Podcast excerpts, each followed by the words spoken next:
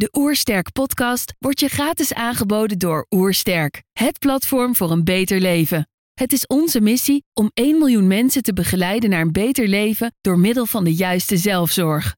Wil je weten hoe jij kunt werken aan een beter leven? Ga dan naar www.oersterk.nu gezondheidscheck voor onze gratis gezondheidscheck en krijg direct jouw uitslag met persoonlijk advies. Ik ben Max Ouderslager en je luistert naar de Oersterk podcast.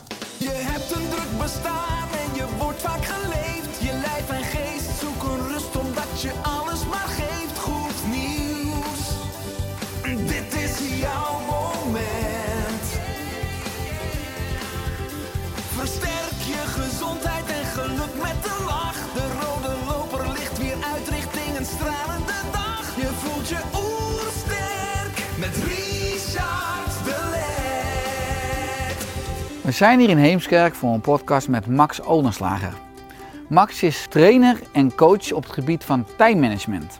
Hij is auteur van het boek Hoppa, haal meer voldoening uit je werkdag. Ik ben benieuwd naar zijn tips voor een beter leven. Trouwens, geniet je van onze podcast? Abonneer je dan en laat een reactie of review achter. Zo help je ons om het gezondheidsvirus te verspreiden. Let's start!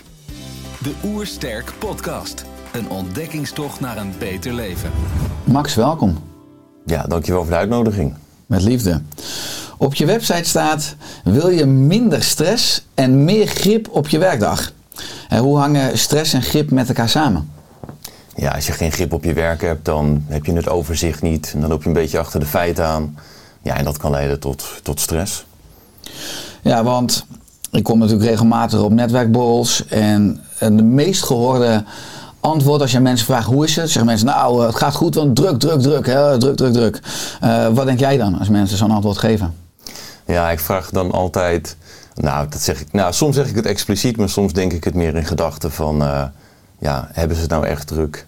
Of ervaren ze het meer als druk? Maar het is ook een beetje status geworden. Exact, het is een statussymbool. Het Maar het is stoer. Het betekent dat je het, dat je het, ja, dat, Dat je- het, dat het goed gaat. Dat je een volle agenda hebt. Daar wordt misschien een soort status aan gekoppeld. Maar ik vind het veel leuker om te zeggen, ja, het gaat rustig, het gaat kalm. Ook al heb ik een volle agenda, maar ik zal niet snel communiceren dat ik het druk heb. Ja, nee, dat is interessant. Omdat mensen zeggen ik ben druk, druk, druk. Dat het ook zou kunnen zijn dat ze niet goed zijn in het plannen van hun tijd en hun agenda. En de juiste prioriteiten stellen. Jij bent eh, natuurlijk time management expert. Eh, maar je zegt al, ik antwoord vaak, ik ben rustig, ik ben kalm. Houd jij iedere week tijd over? Of heb je ook weken dat je jouw werk niet afredt? Nou, een goede vraag. Ik denk dat ik altijd wel tijd overhoud. Ja, ik ben best goed in het plannen. Er zijn soms wel zaken die ik uitstel. En soms zijn dat zaken waarbij ik eh, beoordeeld word. Als ik bijvoorbeeld een accreditatie moet aanvragen voor een training. Dat vind ik niet leuk. Dat is een beetje het, eh, het faalangstige jongetje in mij. eh, wat daar nog een overblijfsel van is. En, dat soort zaken ben ik wel geneigd om uit te stellen. Maar als ik iets mag maken, als ik iets mag creëren. Als ik een video op wil nemen of een blog schrijven. Of ik wil me voorbereiden voor een training. Of ik ben met mijn, eh, met mijn training bezig om die verder te ontwikkelen. eh, ja, dan, dan verzet ik echt bergenwerk. Dan heb ik ook een hyperfocus. En dan heb ik het ook op tijd af. Ja. Ja, want als we een beetje teruggaan op jouw levensweg, hè, op de basisschool en de middelbare school was je geen ster in productiviteit. Op je achttiende kreeg je de kans om als programmamaker bij Radio Nederland Wereldomroep te gaan werken. Je planning was een drama en je kreeg last van werken onder druk. Je sliep slechter en werd wakker met hartkloppingen. Je maakte toen de overstap naar de jeugdzorg. Hoe heeft dit allemaal geleid tot wat je nu doet? Op een gegeven moment werkte ik inderdaad in de, in de jeugdzorg. En ik vond die baan echt heel erg leuk. Ik was gezinsvoogd. Ehm, oftewel jeugdbeschermer. En dat is een sector, of dat is een baan wat sowieso gepaard gaat met een enorme werkdruk vanwege de, de hoge caseload. Dus je hebt te maken met heel veel kinderen, heel veel gezinnen. Eh, je bent enorm afhankelijk van heel veel partijen, je wachtlijsten. Eh, er is meer, ja, meer vraag dan aanbod, om het zo maar te zeggen. En ik vond mijn werk hartstikke leuk, alleen ik kwam niet uit met mijn tijd. Ik vond het heel leuk om met mensen te werken, dus ik ging vaak eh, op afspraak. Huisbezoeken vond ik leuk. Alleen als ik dan terugkwam op kantoor, dan had ik de mail en de belletjes en er waren spoedoverleggen. En ik moest plannen schrijven en alles bijhouden. En daar kwam ik vaak niet aan toe. En dat werk, eh, vooral het administratieve, dat begon zich een beetje op te stapelen. En daar had ik last van. En toen dacht ik, ja, dat, dat, dat, ik, ik vind mijn werk leuk, maar niet op deze manier. En toen werd ik getipt. Uh, iemand uh, raadde me een boek aan over time management. Dat was de 4-Hour Workweek van Timothy Ferriss. En daar ben ik in gaan lezen. En ja, ik, ik, ik was helemaal niet zo bekend met time management of productiviteit. Uh, ik deed het altijd maar gewoon uh, op mijn eigen manier. En, maar dat was dus niet altijd heel effectief. En er stonden een aantal tips in, die ben ik gaan toepassen. En toen was het hek van de dam. Want ik kreeg al meteen meer ruimte, uh, meer overzicht. Ja, en toen ben ik heel veel dingen gaan lezen over time management. En op een gegeven moment was ik er zo goed in, zo fanatiek, dat ik zelfs tijd overhield op het werk. En dat was echt ongekend onder mijn collega's. En toen raakten mijn collega's ook geïnteresseerd van uh, hoe doet die Max dat? En voordat ik het door had, uh, zat ik kopjes koffie te drinken met collega's en was ik hen van tips aan het voorzien. En toen dacht ik, hé, hey, dit is leuk. Dit, dit geeft mij energie. En toen heb ik Mentor Max opgericht in 2011. Ik deed dit werk er nog gewoon wel naast. En op een gegeven moment kwam de decentralisatie uh, in de jeugdzorg. En toen ben ik voor mezelf, helemaal voor mezelf begonnen. Ja, want het was, je noemt 2011, dat was voor jou echt een tropenjaar. Hè? Je richtte Mentor Max op, je had dus nog een vaste baan. Ja. Je volgde een universitaire studie. Uh, je had een dochter van anderhalf jaar. J jullie kregen toen ook een tweeling, ook twee dochters.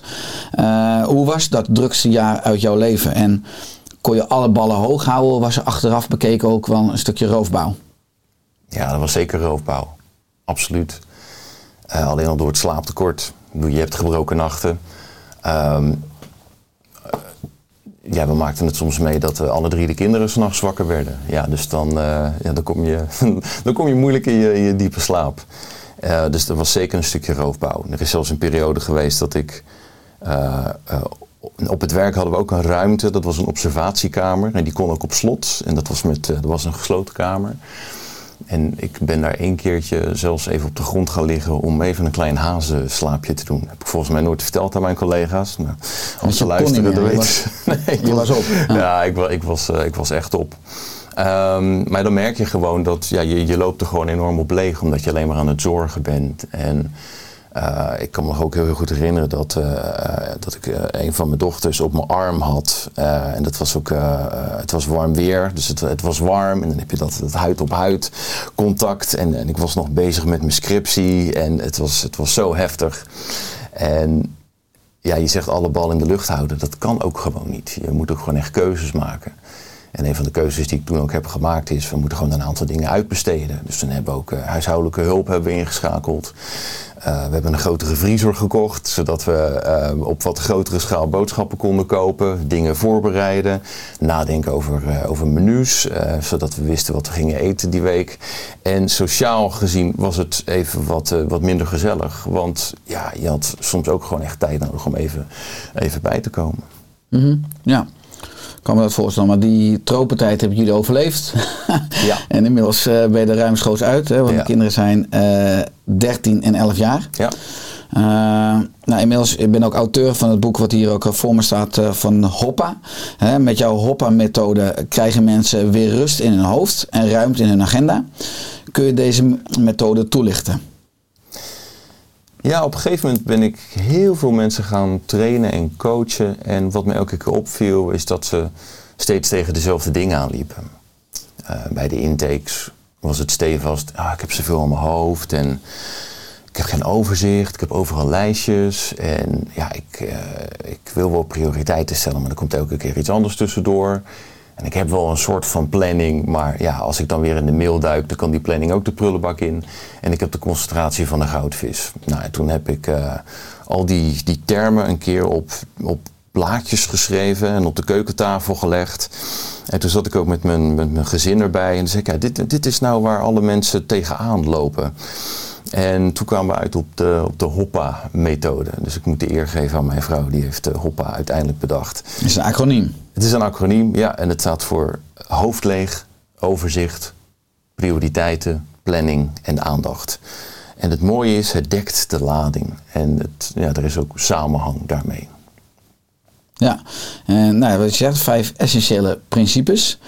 Um, ik heb natuurlijk het boek gelezen. Bij de O van Overzicht staat een mooie spreuk van Nathan W. Morris, namelijk It's not always that we need to do more, but rather that we need to focus on less. Dus we moeten durven kiezen voor minder en beter, wat je ook net eerder aangaf. Ja. Durven mensen dat nog? Nee, ik denk het niet. Ik denk dat mensen juist steeds meer willen. En dat valt me ook op als ik intakes doe met mensen die, ik, eh, die gecoacht willen worden. Ehm, ja, het lijkt wel alsof ze, alsof ze nog maar een jaar te leven hebben en dat ze alles willen doen. Dus eh, ze, hebben, ze hebben een baan, eh, ze zijn daarnaast voor zichzelf begonnen, ze doen nog een studie naast, ze hebben allerlei hobby's, ze willen drie uur per dag eh, mediteren, ze hebben ook nog een kind daarnaast en dat willen ze dan allemaal proppen in die ene, in die ene dag die maar uit 24 uur bestaat. En dat kan gewoon niet. Dus het is ook een kwestie van keuzes maken. En dan vragen ze mij, ja, kun jij mij wat, wat tips en tools geven? Het nadeel van het, het idee over time management is vaak, en, en dat, dat zie ik ook eh, op andere, eh, eh, of in andere boeken, zo van, ja, je krijgt meer gedaan in minder tijd. Maar eigenlijk ben ik er helemaal niet zo van. Ehm, de meeste mensen die ik begeleid, die willen juist minder doen op een dag. Dus het, het, is niet zo dat je het maximale eruit wil halen. Het is eigenlijk meer kiezen, weet je wel. Van wat is nou het aller, aller, allerbelangrijkste? En richt je gewoon daarop. En dat kan werk zijn, eh, dat kan gezin zijn, dat kan persoonlijke ontwikkeling zijn. Maar ik vind gewoon het mooiste als, het, als je het holistisch bekijkt. Dus dat je kijkt van hoe kan ik mijn werk nou organiseren? Hoe kan ik het huishouden organiseren? Hoe kan ik het, het gezin organiseren?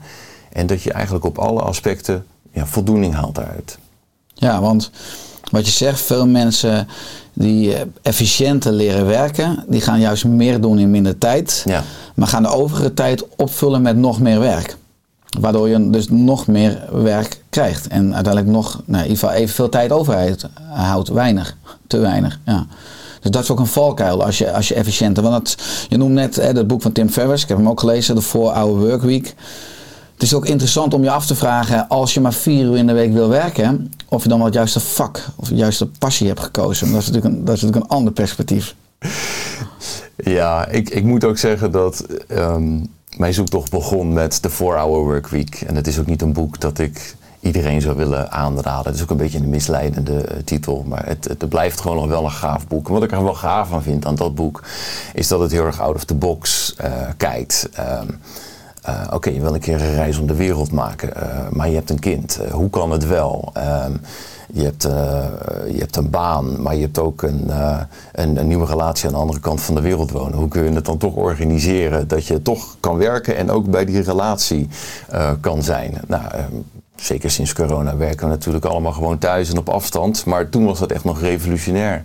Het inzetten van virtual assistants bijvoorbeeld. Dus dat je dingen kan uitbesteden. Dus die gedachtegang ja, vind, ik, eh, ja, vind ik nog steeds wel heel erg leuk. Zeker, ja. En Tim Ferriss blijft natuurlijk een van de beste out-of-the-box denkers eh, in de wereld. Ja. Wat hij natuurlijk heel sterk laat zien is wel natuurlijk als je een bedrijf hebt of je onderneemt, dat je de artiest kan zijn en alles zelf wil doen. Ook vind dat je alles het beste kan doen. Terwijl je ook veel meer kan groeien naar business owner. En kan systematiseren of kan elimineren of kan delegeren. En, daar is hij enorm sterk in. Ja. Ehm, nou, jij verzorgt ook heel veel trainingen eh, in tijdmanagement eh, voor ja, hoofdwerkers, hè, mensen met veel kennis. Vroeger waren er natuurlijk meer lijfwerkers, toen we echt in de fabriek werkten. Eh, welke uitdagingen zie je veel in de praktijk bij mensen en bij ondernemers terug? Nou, wat je merkt is dat veel professionals met veel systemen werken. En met systemen bedoel ik, ehm, ze moeten inloggen in de mailbox. Ze hebben een agenda, maar binnen de mailbox hebben ze meerdere e-mailadressen, omdat ze misschien meerdere functies hebben. Eh, ze hebben post-its, ze hebben boekjes, ze, ze werken in, in teams en daar, daar komen ook taken in terecht. Ze hebben WhatsApp waar ze appjes op krijgen. En al die verschillende plekken, dat zijn allemaal ja, een soort mini-to-do-lijstjes. En dan krijgen ze het overzicht niet meer. En dus het is heel erg fantastisch dat we al dit soort tools en apps hebben, zoals eh, Slack en, en Teams en, eh, en nou, geavanceerde agenda's en dat soort zaken. Maar het is gewoon te veel. Dus de uitdaging is, hoe kun je er nou voor zorgen dat je het een beetje kan stroomlijnen. En dat je niet dat als je aan je dag begint, dat je een beetje op zoek moet naar je werk. Dus ik probeer het allemaal een beetje plat te slaan. En sommige van die plekken kun je wel beperken of kun je elimineren. Ehm, maar soms is het gewoon zo dat je op een aantal plekken even moet, moet inchecken om te zien wat er, eh, wat er binnen is gekomen. Maar dan kijken we wel naar, oké, maar hoe ga je er nou voor zorgen dat het uiteindelijk op één plek terechtkomt? Of een paar plekken, zodat je veel makkelijker het overzicht kunt behouden. Dus wat ik in feite tegen ze zeg is, je maakt het jezelf nu te moeilijk. En wat ik doe met mensen die ik begeleid, is het gewoon simpeler houden. Minder systemen, meer overzicht. En vanuit dat overzicht kun je weer gemakkelijke prioriteiten stellen. Ja, want er is dus een wildgroei aan ook aan allerlei programma's en technologische mogelijkheden en allerlei to-do-lijstjes die je indirect links en rechts uh, ook kunt hebben. Maar ook is belangrijk, hè, want daar schrijf je ook over het hoofd, dat het hoofd geen to-do-list is. Want heel veel mensen zitten natuurlijk continu dat ze allerlei dingen in hun hoofd opslaan. Dat is ook geen uh, aanpak die optimaal op ons brein aansluit, begrijp ik. Nee, zeker niet. En het handige van het hoofd is, je hebt het hoofd altijd bij je. En mensen denken vaak dat ze overzicht hebben, want ze hebben een lijst of ze hebben lijstjes. En ik had laatst iemand in de training die zei: Ik heb zelfs een lijst waarop ik bijhoud welke lijstjes ik heb. Nou, toen moest iedereen wel eventjes lachen in de zaal, maar hij meende het echt. Een masterlijst. ja, zoiets, ja. Metalijst of zo. Um, en het grappige is dat als we al die lijsten hebben doorgenomen. En dan vraag ik ook, uh, en waar zit je nog? Zit je nog op te wachten op iets, op een bevestiging of op een reactie? En dan uh, zeggen ze, ja, ik zit dan nog te wachten op een reactie van mijn leidinggevende. Oké, en waar staat dat dan? Oh ja, nee, dat bewaar ik in mijn hoofd. Oké, en wat bewaar je nog meer in je hoofd? En nou, als, als ik tien minuten met iemand uh, werk, dan is het onvoorstelbaar wat er allemaal in dat hoofd staat opgeslagen. Dat zijn niet alleen dingen die werkgerelateerd zijn, maar ook privé gerelateerd. Of dingen die we op onze bucketlist hebben, die, uh, die zitten ook in ons hoofd. En weet je, het hoofd is daar helemaal niet goed in. Uh, het, eigenlijk is het hoofd een van de slechtste time management tools die we hebben. Want het is heel lastig om prioriteiten te stellen. Het is heel lastig om een goede planning te maken als je dat allemaal uit het hoofd doet. En het is ook zo dat je kan wel iets in je hoofd stoppen, maar op het moment dat je het nodig hebt, dan, uh, dan openbaart het niet. Vaak is het in een moment van rust. Hè? Dus als je s'avonds in bed ligt, of als je de hond uitlaat, of als je aan de douche bent, dat ten ene dan die to-do's of die wensen en ambities dan te binnen schieten. Dus daarom zeg ik ook, gebruik je hoofd niet als een to-do-lijst. Gebruik daar lekker een extern-achtig iets voor. En of het nou een app is of, uh, een notitieblok. Maar uh, ga niet je hoofd gebruiken. Want dat is stiekem dan weer zo'n extra systeem wat je gebruikt om taken aan toe te voegen. En je hebt dan zoveel van die systemen. Ja, daarom lees ik, uh, is BrainTos een van je favoriete apps?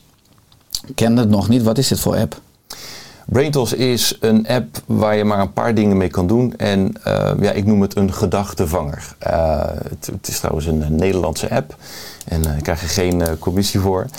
En het leuke van BrainTools is, is dat je, um, je hebt de mogelijkheid om iets in te spreken en dan wordt het audiobestand naar je mailadres gestuurd. Je hebt ook de mogelijkheid om ergens een foto van te maken en dan wordt het ook naar je mailadres gestuurd. Soms, soms ben je ergens en dan zie je een aanbieding en denk je, oh leuk, dan maak je er even een fotootje van. Maar meestal belandt die foto dan in je privégalerij en dan doe je er niks meer mee of dan verwerk je het niet. En het leuke van BrainTools is, het stuurt alles naar je mail, want de mailbox is toch de plek waar al het werk binnenkomt. En ik vind het gewoon heel erg fijn en ik gebruik het ook uh, als ik bijvoorbeeld onderweg ben en ik sta in de file en er schiet mij iets te binnen, dan, nou, dan klik ik even op het microfoontje. Dan heb ik een minuut lang om iets in te spreken en dan krijg ik een audiobestand in mijn mailbox. En dat is heerlijk. Ik ben een keer in uh, Maastricht geweest. Ik woon zelf in Noordwijk aan Zee. Dus het is, nou, het is het 2,5 uur rijden met de auto. En uh, tegen de tijd dat ik in Maastricht was, had ik uh, vijf ideeën die te binnen schoten. want ja, het is een lange rit. Nou, dan doe ik vijf van die braintosjes. En dan ben ik ook alweer helemaal vergeten. Want nogmaals, ik gebruik mijn hoofd niet om dingen op te slaan. En als ik dan mijn mail check, dan zie ik al die braintosjes weer binnenkomen. En denk ik, oh ja, oh ja, oh ja, dat was ik dan alweer vergeten. Maar het is wel heel fijn om het moment dan ook wel vast te leggen. Ja, eens sterk. Ik heb zelf altijd een pen en briefjes bij me, maar dan moet je net inderdaad kunnen schrijven. En in de auto is inderdaad zo'n app dan handiger. Je geeft aan dat al die uh, nou, goede ideeën of inzichten die je krijgt en die je zo vangt in je mailbox komen. Je geeft ook aan dat heel veel mensen meerdere mailboxen hebben. Ik heb zelf ook meerdere bedrijven, dus ik heb ook meerdere mailboxen. Ja. Ik heb zelf wel ja, een soort neurose dat ik heel graag eh, mijn mailbox op nul wil hebben. En daarom ook maar één keer in de week in mijn mailbox ben. Ik ben dan een dagdeel en dan rond ik alles af. En verder staat in mijn out of office dat nou ja, kunnen mensen, als het spoed is, nou, met mijn secretariaat dan uh, mailen of bellen. En dan hoor ik het even goed wel. Uh, ben jij een voorstander van Inbox Zero, zoals dat helemaal heet? Ja, daar ben ik een voorstander van. En er zijn verschillende stromingen hierover. Uh, er zijn ook stromingen of mensen die zeggen van... joh, uh, wat, uh, waar maak je druk over? Je gaat toch niet alles helemaal verwerken. En als het belangrijk is, dan mailen ze nog maar een keer of dan bellen ze wel. Maar ik vind het zelf fijn om een lege inbox te hebben. Um, om een aantal redenen. Ik weet dat er geen verrassingen meer staan in de inbox. Ik heb alles verwerkt. Alles staat op de juiste plek. En ik vind het ook wel van ja, respect getuigen. Dat ik ook aandacht heb gegeven aan de persoon die mij heeft gemaild.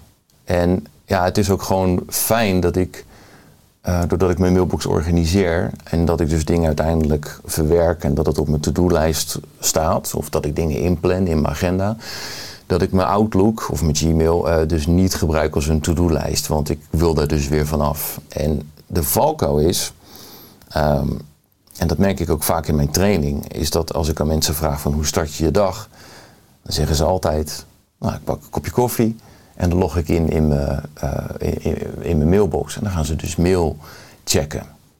Nou, en tijdens het checken van de mail komt er een telefoontje binnen, staat er een collega aan je bureau, krijg je een appje en voor je het weet is het half elf en dan heb je nog niks gedaan. Dus mensen laten zich ook vaak leiden door die mailbox, alsof die mailbox jouw dag bepaalt. En dat vind ik echt heel erg jammer.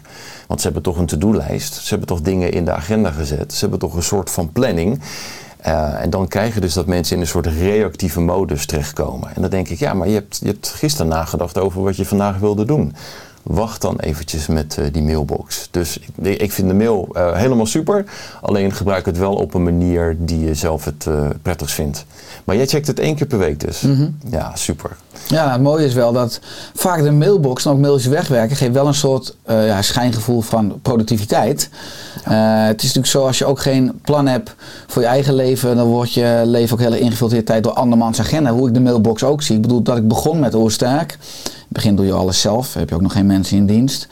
Uh, nou ja, ben je ook heel veel, krijg je uitnodigingen voor lunchafspraken of uh, mensen die willen wat van je of die willen dat uh, je in een podcast komt. Nou, nu met Oersterk krijg je 3.000 tot 4.000 mailtjes per maand. Wat ik dus ook niet meer doe, hè, dat is het info-adres, zou ik ook niet meer kunnen, want dan zou ik heel reactief, zeg maar, ja.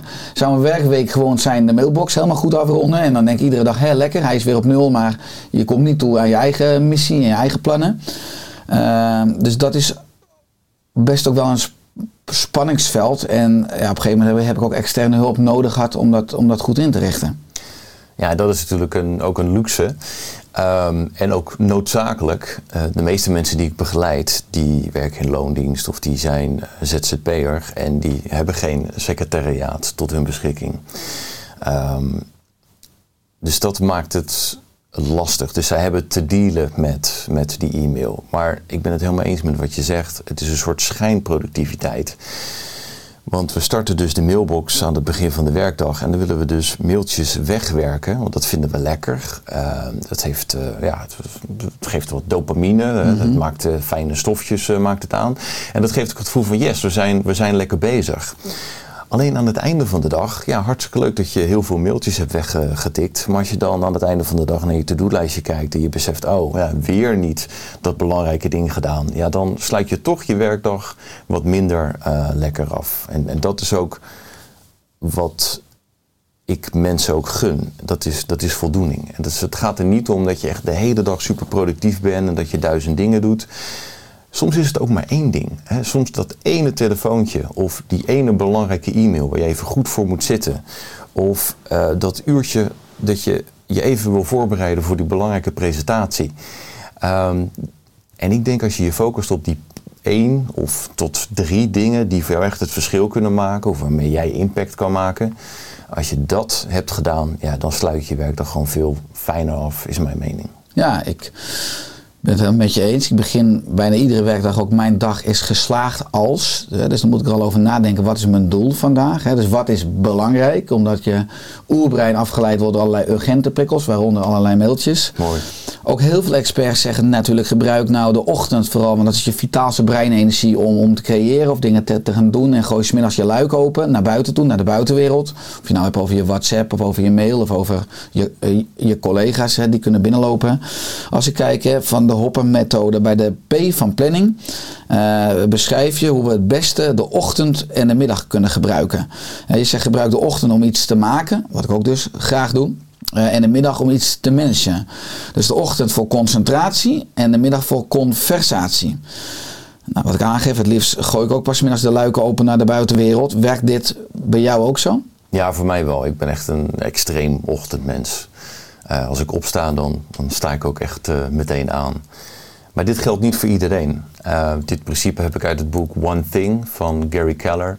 En die maakte dus ook echt dat onderscheid tussen de ochtend en de middag. Wees ochtends een maker en s middags een manager. Als je dus ochtends het meest productief en het meest creatief bent, ja, gebruik die ochtend dan ook voor dat soort concentratiewerk. Want het interessante is, als ik tijdens trainingen aan mensen vraag van wanneer ben jij op je best? Vaak weten mensen het niet. Daar schrik ik altijd van. En als ze het wel weten, dan is het 9 van de 10 keer ja, toch wel in de ochtend. Nou, en dan komt mijn vervolgvraag. Wanneer heb jij je vergaderingen? Die zijn altijd in de ochtend. Op hun meest productieve da dagen, op de meest productieve dagdelen zitten zij te vergaderen. En als ik dan vraag, oké, hoe voel je dan als je klaar bent met vergaderen? Ja, dan ben ik helemaal gaar. Dan ben ik helemaal leeg. Soms ook een beetje geïrriteerd. Hè, want dan liep zo'n vergadering weer uit of het, ging weer nergens over. Oké, goed. En wat doe je dan als je uit die vergadering stapt? Ja, nou ja, dan... Uh, ja, dan ga ik maar wat mail checken, een beetje bijkomen of, uh, of nog een koffietje uh, inschenken. Oké, en dan? Ja, dan is het alweer lunch. Oké, en wat doe je dan na de middag? Ja, dan heb ik, hè, dan heb ik weer een vergadering. Dus ik wil niet zeggen dat iedereen een ochtend- of een middagmens is. er zijn ook bekende personen die echt bekend stonden om hun avond- of zelfs nachtproductiviteit. Barack Obama was ook een, een avondmens. Een nachtuil. Ja. Een nachtuil, inderdaad. Um, maar het, het, is echt de kunst van, ja, gebruik die agenda bewust om te kijken van wanneer ben jij op je best en plan daar ook omheen. Dus als jij een ochtendpersoon bent, ja, zorg er dan voor dat je die meetings of al dat mailgedoe, uh, dat je dat dan naar de middag verplaatst. Uh, dit principe heb ik zelf ook toegepast toen ik nog in de jeugdzorg werkte. Want mijn dag, er zat totaal geen structuur in. Ik kwam op kantoor, ik had een huisbezoek, kwam ik weer op kantoor. Dan moest ik naar de rechtbank, had ik weer een huisbezoek. En daar liep ik best wel op leeg. En toen ik dat principe toepaste, toen kwam er rust in de tent. Toen was de ochtend, die was voor mij. Dus ik sloot me in de ochtend eventjes af. Ik zat wel gewoon op kantoor, ik had een flexplek.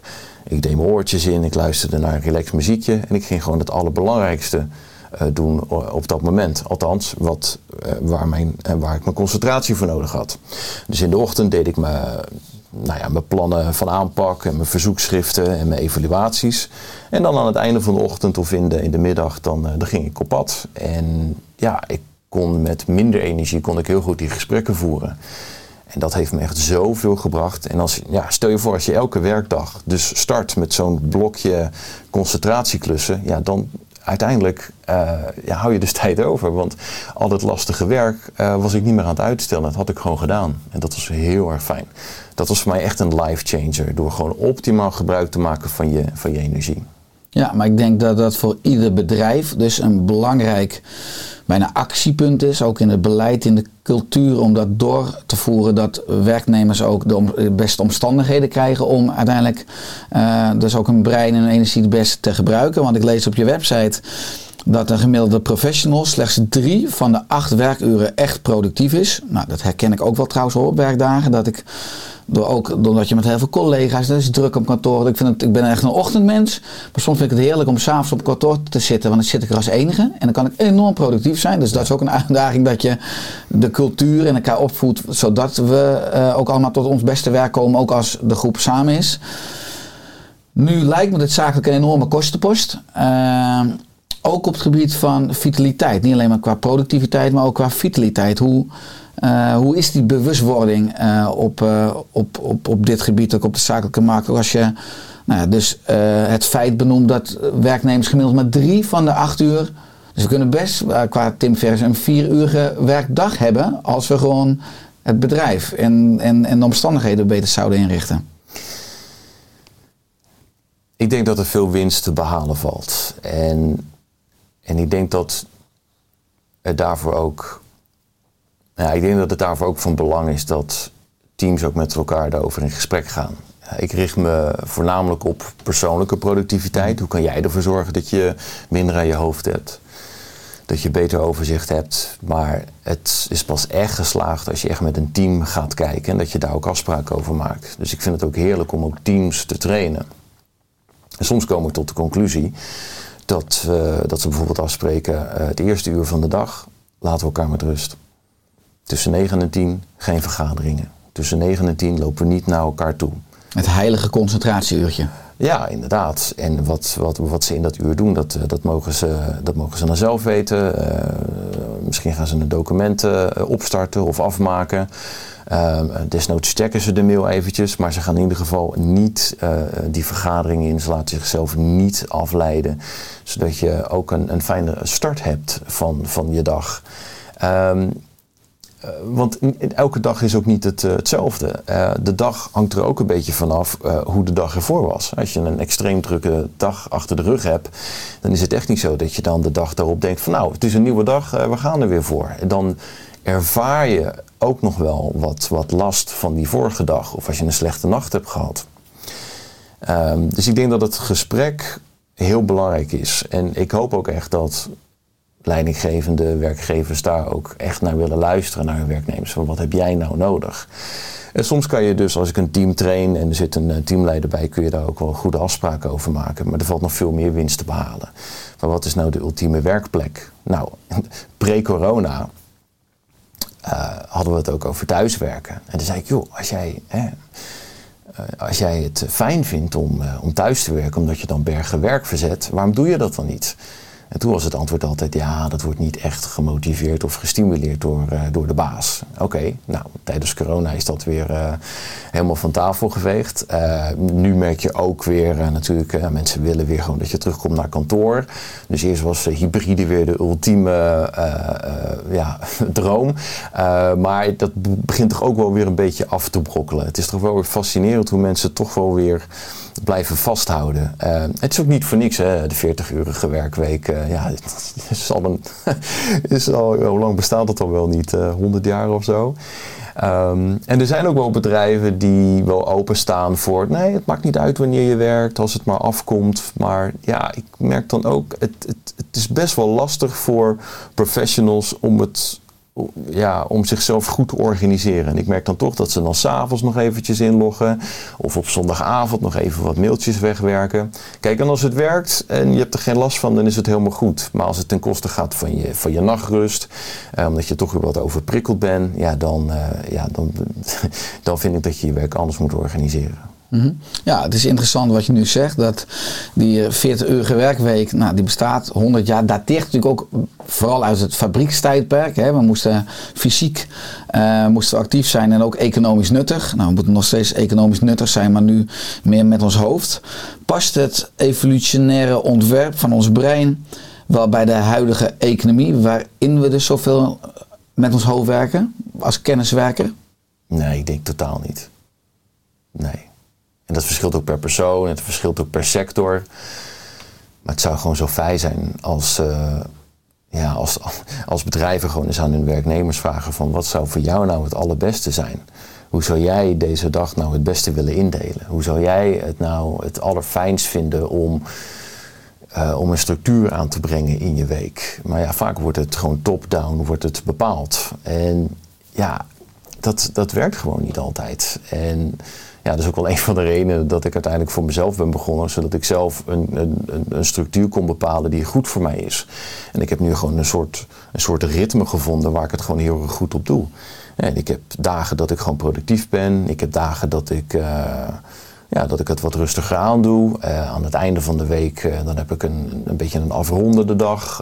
dan heb ik wat meer tijd voor reflectie. En ook met name dat laatste. Ik merk gewoon dat er heel weinig tijd is voor reflectie om ook over het werk na te denken. Dat geldt niet alleen voor de professionals, maar dat geldt ook voor degenen die, um, die aan het roer staan. Hè? Dus degenen die de tent uh, besturen. En het lijkt wel alsof we met z'n allen een beetje aan het rennen zijn en achter de feiten aan het lopen zijn. En soms een beetje paniekvoetbal moeten spelen. Uh, zeker ook toen corona kwam. En oké, ja, goed, dan gaan we maar eventjes uh, thuis uh, inloggen. En dan, oké, is het weer voorbij? Oké, nou we allemaal weer naar kantoor. En het is allemaal weer bij het oude.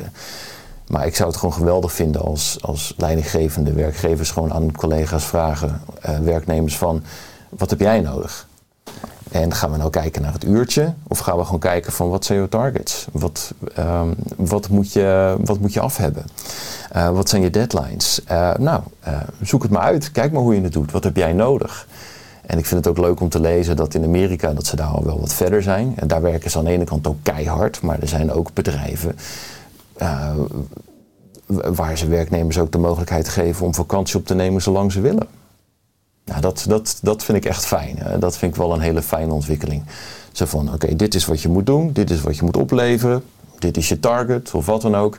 Regel het maar. En, uh, en weer een half jaar uh, backpacken door Argentinië. Nou ja, kijk maar, regel het maar, organiseer het maar. Ja, dat zou, dat zou ik wel heel erg onderschrijven. Ja, ik denk dat we daar ook steeds meer heen gaan in de toekomst. Dus dat biedt hoop.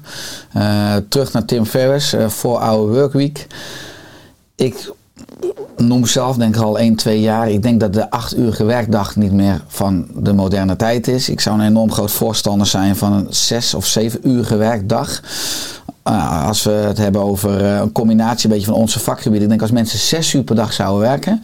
En dan in twee uur die ze over hebben, één uur voor de juiste zelfzorg. Uh, of nou is meer tijd voor beweging of voor ontspanning, maar ook voor de juiste voeding. Ook één uur om uh, te reflecteren, hè, om te plannen, om overzicht te hebben. En dan die zes uur gewoon ook durven kiezen voor minder en beter. Waardoor je op een netwerkborrel nooit meer kan horen van ik ben druk, druk, druk. Want hé, hey, dan, dan, doe je iets niet helemaal juist. Uh, hoe kijk jij naar, wat je net al een beetje benoemt, ook die, die duurzame... Ja, het draait allemaal om de economie, maar...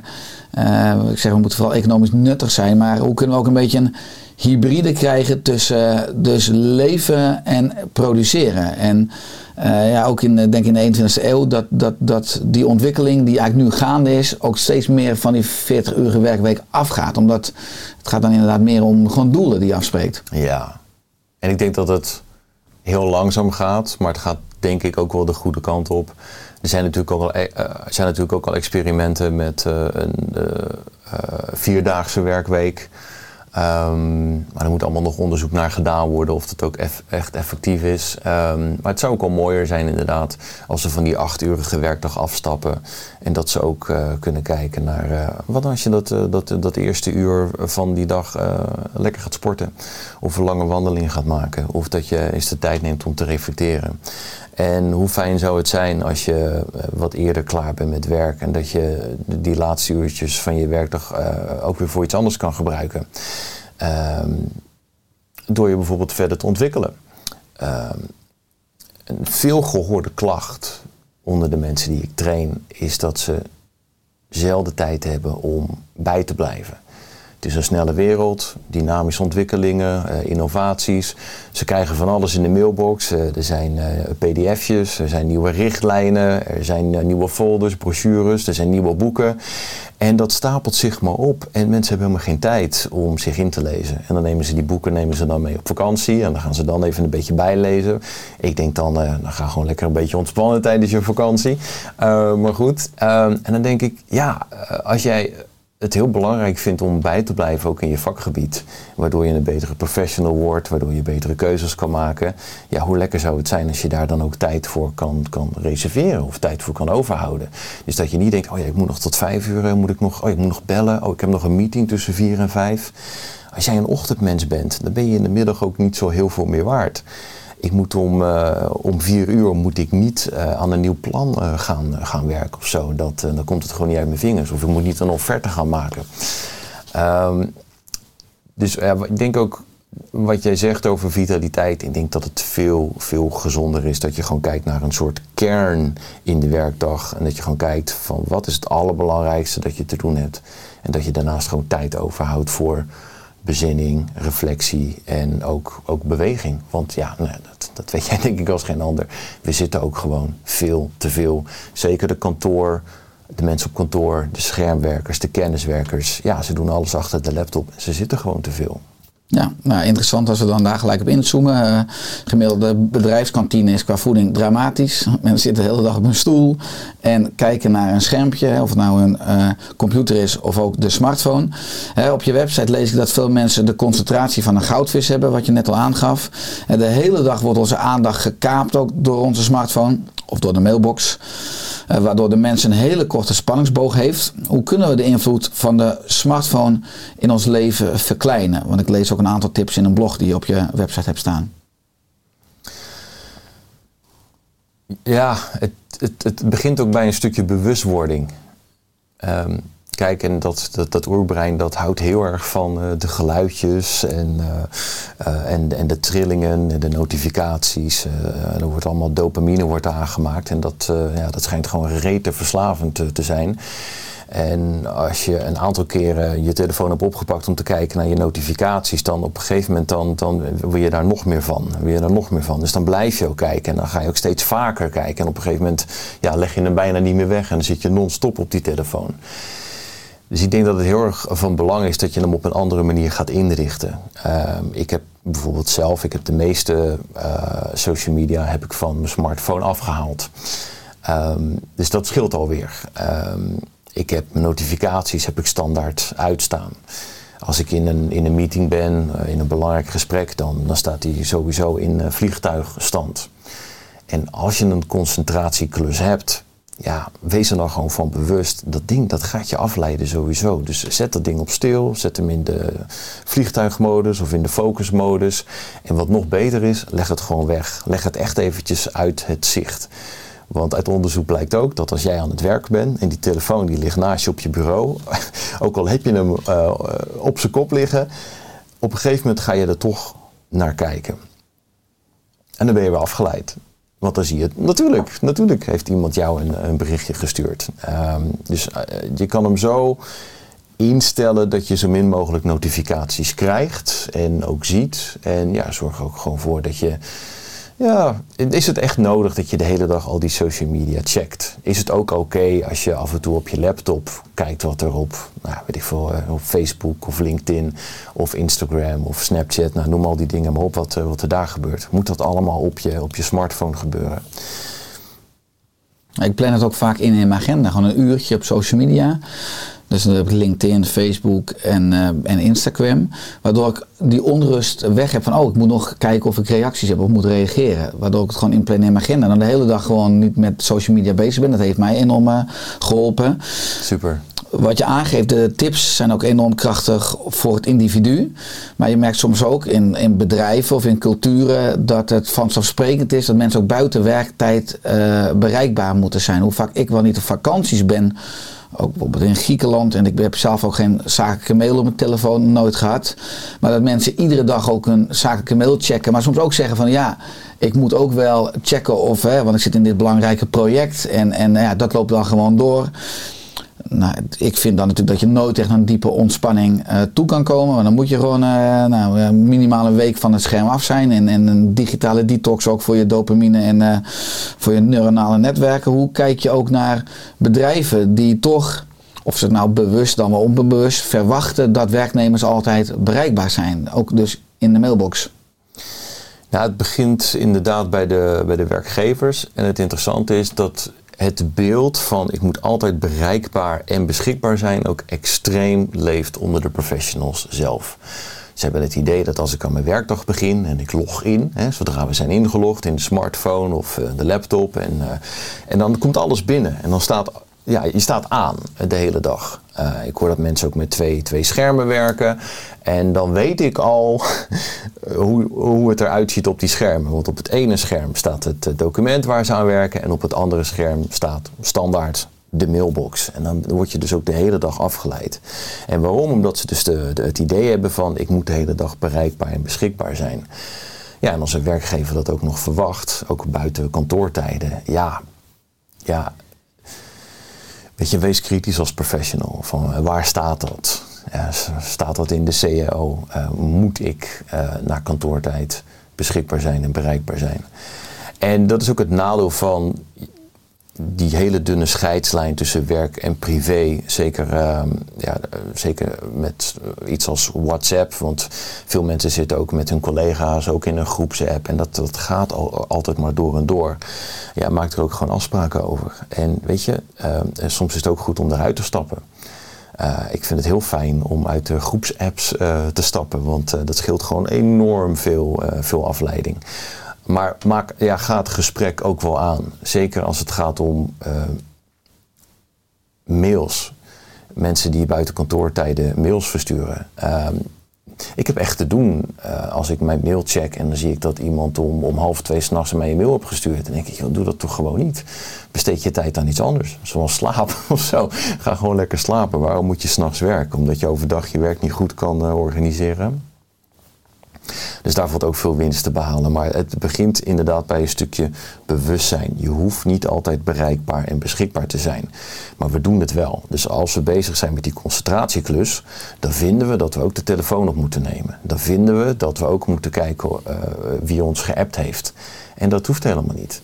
Je kan prima nou, een half uurtje uh, even uitloggen van alles en nog wat, zodat jij je kan focussen op die ene klus. En ja, wat er buiten kantoortijden gebeurt, ja, ik, ja, ik, ben, niet, ik ben niet bereikbaar en niet beschikbaar. En ik vind het mooi om te horen dat je ook geen mail op je, op je telefoon hebt. Dat, uh, dat heb ik ook niet. Ik was ooit een keer op vakantie in Italië. En uh, ik zat bij het zwembad en ik had even zo'n nou, ik weet niet, misschien even een verveelmomentje en dat ik even aan thuis dacht. En toen dacht ik, oh, ik ben benieuwd of. En toen ging ik dus mijn mail ging binnenhalen. Nou, dat waren aardig wat mailtjes. En er zat één mail bij, die was niet leuk. Dat, was, uh, dat had te maken met een opdrachtgever en die was ergens ontevreden over. Dat was een boze mail. Ik kon er ook niks mee, want ik was op vakantie en ik ging hem ook niet bellen, want het kwaad was al geschied. En mijn dag was gewoon verpest. En toen dacht ik, nou, dit, ik, ik laat die persoon toch niet meer mijn dag verpesten. Dus ik dacht, vanaf dat moment uh, haal ik mijn mail van uh, mijn telefoon af. En sindsdien heb ik dat ook niet meer gedaan. En dat geeft gewoon zoveel rust. Want wat ik er ook nog aan toe wil voegen is dat mensen checken ook alleen maar hun mail op hun telefoon. Vaak wordt er niet ook altijd iets mee gedaan of gereageerd. Je krijgt een notificatie. Wat is dat? Oké, oh, het is niet belangrijk. Dan gaat hij weer terug in de zak. En dan krijg je weer een notificatie en dan gaan we weer kijken. Dus de hele dag zijn we dingen aan het checken. Maar als je één keer per dag of een paar keer per dag op je laptop je mail checkt, dan kan je er wel wat mee. Dan kan je het en checken, je kan uh, prioriteren, je kan het verwerken. En als er werk uit voortkomt, dan kan je het weer inplannen. Maar we hebben dus die, die, die, die denkfout dat we altijd maar bereikbaar en beschikbaar moeten zijn. Ja, wat ik ook in je boek las dat. Uh, ik weet niet hoe je dat benoemde, maar zorg dat je dingen maar één keer doet. Hè? Als je, dus dat je gelijk een actie eraan verbindt. Want als je het allemaal zou lezen op je mobiel, je slaat het allemaal weer op in je hoofd, is eigenlijk allemaal, allemaal uh, vulling. Terwijl je er pas later op je laptop weer de actie mee gaat doen, dan is het eigenlijk zonde van die informatie. Want doe er gelijk iets mee. En dan doe je het eigenlijk dubbel. Of hetzelfde als mensen, wat ik ook soms vroeger deed, dat ik mailtjes liet openstaan die ik lastig vond. Dan las ik ze wel acht keer. En iedere keer dacht ik, ja, nu geen tijd, geen zin. Ik doe het wel over een week. Maar dan kom je die mail kom je tien keer tegen. En dat is natuurlijk interessant als je groter uitzoomt. Ik vind het ook altijd filosofisch om te kijken naar uh, het middel en het doel. Voor mij is werk een middel voor een hoger doel, een bezield leven. Het is echt wel een valkuil geweest met Oersterk dat ik zei van het is mijn levenswerk. En ik was altijd aan het werk, wat dan weer te kosten gaat van je balans weer een andere domein in het leven. Maar heel veel mensen gebruiken hun leven als middel voor hun werk, voor hun werkgever. En die, die zijn altijd aan het werk, hè, wat ook een interessante conditionering is. Lastige dingen, nou, stel ik ook graag uit. Hè. Daar schrijf je ook over van het oerbrein. Hè. Uitstelgedrag, wat we denk ik allemaal kennen.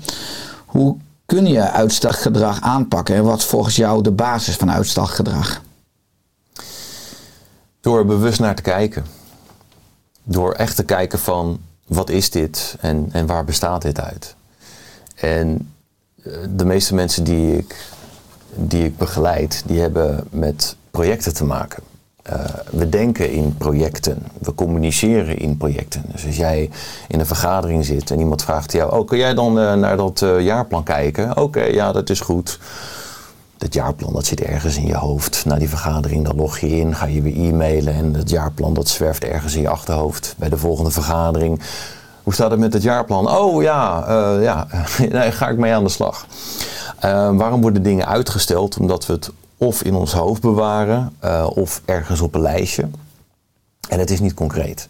Het is vaak veel te groot, het is veel te breed, het is veel te vaag. Dus ik denk een van de manieren om uh, tegen te gaan is om te kijken van wat, wat, wat heb ik hier en waar bestaat het uit? En wat is het allereerste wat ik kan gaan doen? En vaak wat we denken dat de eerste taak is, dat is vaak niet de eerste taak. Ik kan even niet snel een, een voorbeeld uh, benoemen, maar het is echt de kunst dat als jij bijvoorbeeld een, een, een, een jaarplan wil schrijven, een jaarplan kan je niet doen. Dat kan niet. Dat, dat is een project. Een jaarplan is af als het helemaal af is. Maar het begint met, nou even het jaarplan van vorig jaar erbij pakken. Ik moet even wat ideeën op papier zetten. Uh, oh, ik heb zoveel ideeën in mijn hoofd. Ik moet even een uh, mindmap maken. Oh, ik moet even mijn collega om feedback vragen. Dus als je zo'n project in stukken hakt, dan wordt het veel overzichtelijker. En overzicht dat leidt tot inzicht. En vanuit daar kan je weer gemakkelijke prioriteiten stellen. Maar wat ik merk is dat mensen niet een knoop doorhakken over wat er mee moet gebeuren. Dus dat verwerken, dat is lastig. Maar ook vanuit het perspectief wat je schrijft van de fear of failure. Dus de angst dat iets verkeerd gaat. Ja, dat, dat, dat, kan, dat kan heel goed. Uh, de fear of failure is ik heb een presentatie, daar moet ik me voor voorbereiden, maar ik weet dat ik niet goed ben in presenteren, dus stel ik het voorbereiden ook uit. Studeren precies hetzelfde. Hè? Wachten tot het allerlaatste moment en dan, dan knallen, en dan stampen en dan blokken. Het is niet voor niks dat dat ook het student syndrome heet. Het, het maximaal uitstellen van, uh, uh, ja, van, van, van het studeren. Ik heb het zelf ook met, als ik dus iets moet doen waarvoor ik word beoordeeld, wat ik al eerder zei, weet je, dat faalangstige jongetje in mij.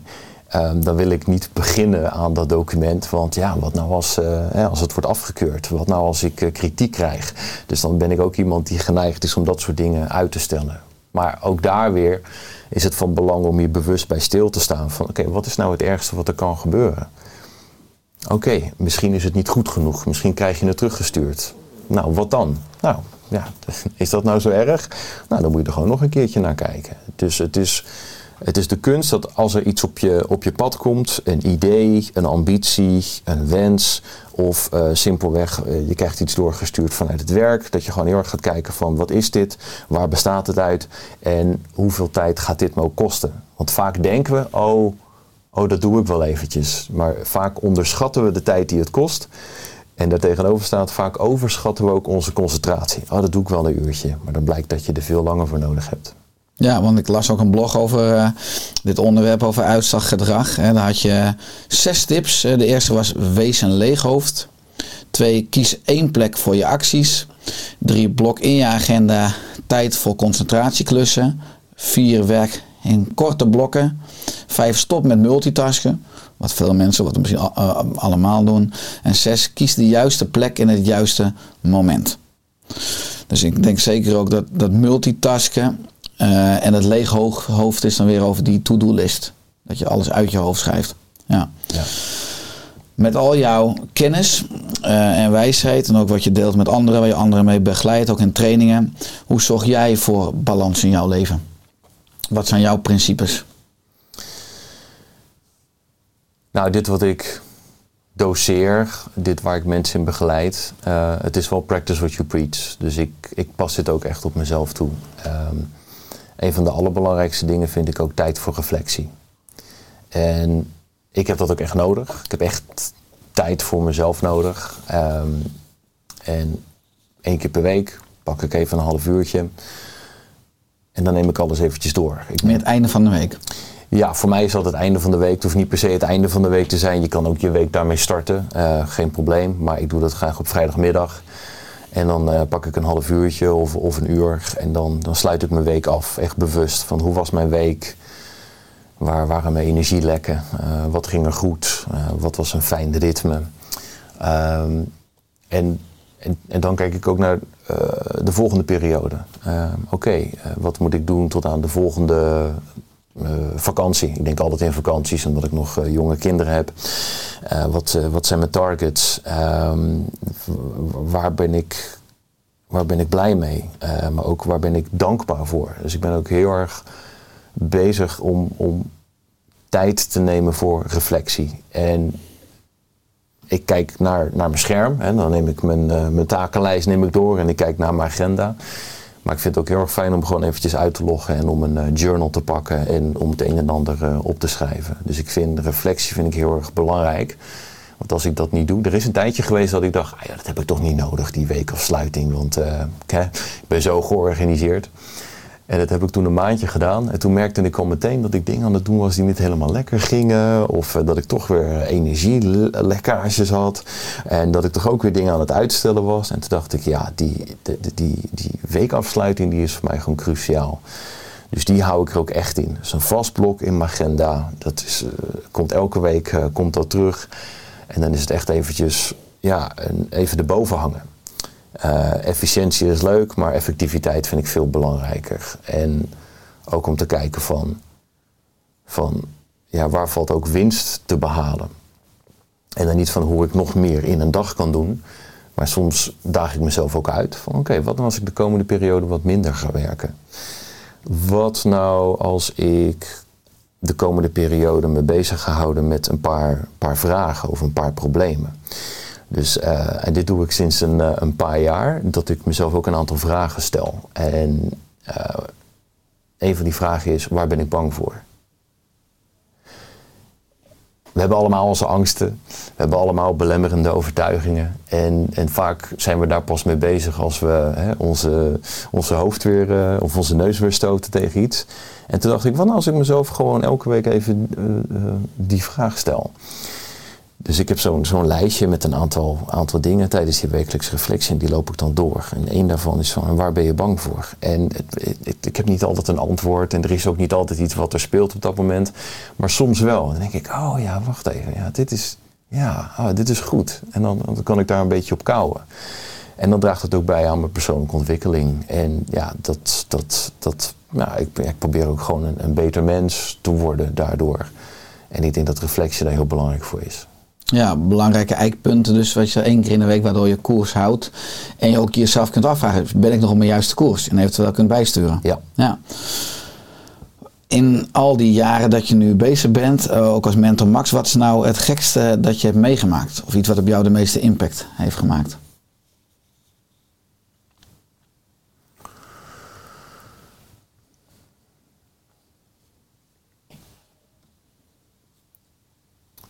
Wat is het gekste dat ik heb meegemaakt? Nou, niet zozeer gek, maar ja, wat, mij, wat mij wel erg kan verbazen, is wat mensen zichzelf aandoen. Um,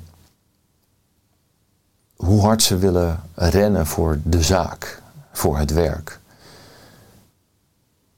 Soms heb ik intakes met mensen en dan denk ik, ik doe dit, ik doe dat, ik doe zus, ik doe zo, ik doe dit ernaast, maar ik wil ook dit en ik wil ook dat. Mensen houden zoveel ballen in de lucht en ze vinden het ook heel belangrijk dat al die ballen ook in de lucht wordt gehouden. En dan tijdens een intake te vragen, oké, en hoeveel uur ben je daarmee bezig? En hoeveel uur daar? En hoeveel, hoeveel uur ben je daarmee bezig? En dan ben ik een rekensommetje aan het maken in mijn hoofd. En dan denk ik, maar dit kan helemaal niet. Ja, maar dit is wel wat ik wil. Ik zeg, ja, maar hoe ga je dat dan doen? En het is ook heel lastig om die mensen te begeleiden. Die kan ik niet helpen. Nou, ze willen dan wat, wat tips. Maar dan zeg ik, ja, maar ik denk waar we met jou naar moeten gaan kijken... is van wat is voor nu het belangrijkste en wat kunnen we gewoon parkeren. Dus wat, en, dit is me wel steeds meer opgevallen. En ik weet niet of het iets van de laatste jaren is, maar dat, dat mensen zoveel willen doen. En het moet ook allemaal dus nu. Dus alles heeft een soort urgentie. Maar als ik, als ik dat met ze doorneem, dan kom ik er gewoon achter dat een aantal van die zaken, die kunnen ook gewoon prima wachten. Um, ik, ik, was al een tijdje met mijn boek uh, bezig. Ik ben een aantal jaren terug ben ik begonnen met het boek. En, en ja, toen kwam er wat uh, tussendoor. En toen dacht ik, nou, ik ga dit boek gewoon nu even niet uh, afmaken. Dat is ook een vorm van uitstootgedrag, maar niet vanuit frustratie of wat dan ook. Maar dan ben ik er op een bewuste manier mee bezig. Het hoeft niet nu. Dit, dit kan ook op een later moment. En 9 van de 10 keer als ik dus eh, mensen aan de lijn heb eh, en als ik dan dus hoor wat, eh, ja, wat ze zich allemaal op de hals halen of wat ze allemaal willen of wat hun target zijn. Ja, en dan kan ik zo vier of vijf dingen pakken en gewoon zeggen, maar, maar, maar dat kan je toch ook volgend jaar, kan je dat toch ook doen?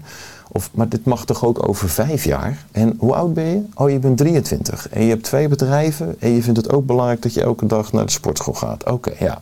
Dus ze willen extreem goed zijn in alles. Hè? Dus ze letten enorm op hun voeding. Letten enorm op hun lichaam. Ze willen de beste zijn in hun werk. Ze willen de beste relaties. De beste vriend zijn. De beste partner. Ja, dat is best wel een eh, onmogelijke opgave. Het, het kan wel, maar ja, gun jezelf ook eventjes wat tijd. Als je gaat trainen voor een marathon, ja, dat, eh, dat kan ook niet in een maand. Daar moet, je, moet je de tijd voor nemen. En ik denk ook als je nou ja, de beste versie van jezelf wil zijn, daar ben ik niet zo voorstander van. Maar goed, dat zijn wel de mensen die, eh, die wel bij me, die me aan, bij me aanbellen. Dan denk ik, ja, maar neem gewoon de tijd. Het, het hoeft allemaal niet binnen een maand of binnen een jaar. Wat is je vijfjarenplan? Wat is je tienjarenplan? Ja, interessant is vaak ook wat ik ervaren heb in mijn praktijk van integrale geneeskunde. Waar ik heel veel ondernemers heb begeleid en ook de tijd uitvroeg van hoe ziet jouw dag, hoe ziet jouw week eruit. Dat achter of onder die bewijsdrang vaak ook wel een enorm gebrek aan zelfliefde ligt. Of de overtuiging ben niet goed genoeg. Waar we allemaal variaties van hebben, waardoor mensen ook enorm kunnen blijven rennen om onbewust nog steeds te kronkelen om liefde. Om te voelen van ik mag er wel zijn. Dat is natuurlijk interessant dat ook op jouw vakgebied praktische, maar ook mentale, emotionele en spirituele lijnen door elkaar heen lopen. Ja.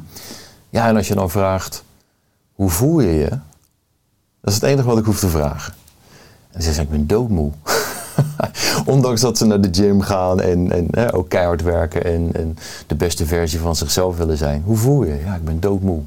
En ik heb geen overzicht. En eh, ik heb het gevoel inderdaad dat ik uh, tekort schiet. Ze zijn vaak ook niet gelukkig. Nee. Nee, dan ben je ook niet gelukkig. eh, Niet in de kern. En, en, en ja, wat ze dan gaan doen is, dan gaan ze overcompenseren. Dan gaan ze dus nog gezonder leven. Eh, gaan ze nog harder werken. Gaan ze nog meer cursussen volgen of wat dan ook. Is, het is een soort overcompensatie. Maar dan denk ik, als je gewoon eens de tijd neemt voor voor bezinning en die reflectie. En weet je, dat doen we soms wel eens op vakantie gaan en eh, je, je, je gaat naar een of ander oord en je maakt een lange strandwandeling. Dat is oké, maar ja, gun jezelf gewoon wat vaker zo'n moment van, eh, van reflectie. Ehm, ik, ik ben momenteel ben ik ook ehm, dingen aan het eh, heroverwegen. Een aantal dingen waarvan ik denk, ja, dat, dat, daar word ik niet helemaal gelukkig meer van. Eh, ja, dat, dat, zo is het leven. Hè? In het begin vind je het wel leuk en op een gegeven moment wordt dat wat minder. En dan ga ik bij mezelf even na van, ja, wil ik dit nog wel blijven doen? En hoe lang wil ik dit blijven doen? En door, door echt daar wekelijks eh, bewust mee bezig te zijn, kan ik daardoor ook betere keuzes maken. Maar het is zo en, en, en. Ze willen alles doen. En, en doordat het niet lukt, eh, gaan ze overcompenseren. En dan denk ik, ja, maar waar ben jij dan in, in, in dit verhaal? Dus ik, ik mis soms ook een beetje, zeker met mensen die zich over de kop werken. Wat ik ook altijd doe, is dat eh, als ik mensen wil coachen of ga coachen, dan vraag ik, eh, kun je maar even een screenshotje maken van je, van je weekagenda? Van je weekoverzicht. En daar haal ik heel veel, heel veel informatie uit. En wat mij heel vaak opvalt, is dat ik de persoon, die klinkt raar wat ik zeg, maar ik zal het even toelichten. Ik zie de persoon vaak zelf niet terug in de agenda. Het zijn alleen maar meetings met anderen. Het zijn alleen maar dingen voor andere personen, afspraken voor andere personen. Soms vraag ik ook wel eens van, waar ben jij in dit verhaal? Me-time, ja mooi. Wat is jouw droom of missie van komende jaren, Max? Ik wist dat je deze vraag ging stellen.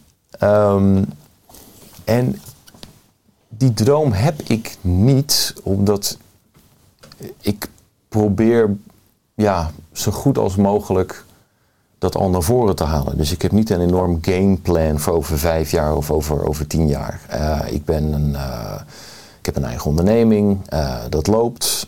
Ik ben blij met de klanten die ik heb. Zoals het nu is georganiseerd vind ik dat heel erg fijn.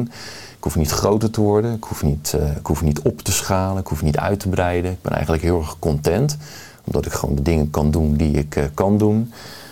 Ik, ik steek veel tijd in werk en daarnaast steek ik ook heel veel tijd in, eh, in mijn gezin. Eh, dus ik kan, ook, kan er ook zijn.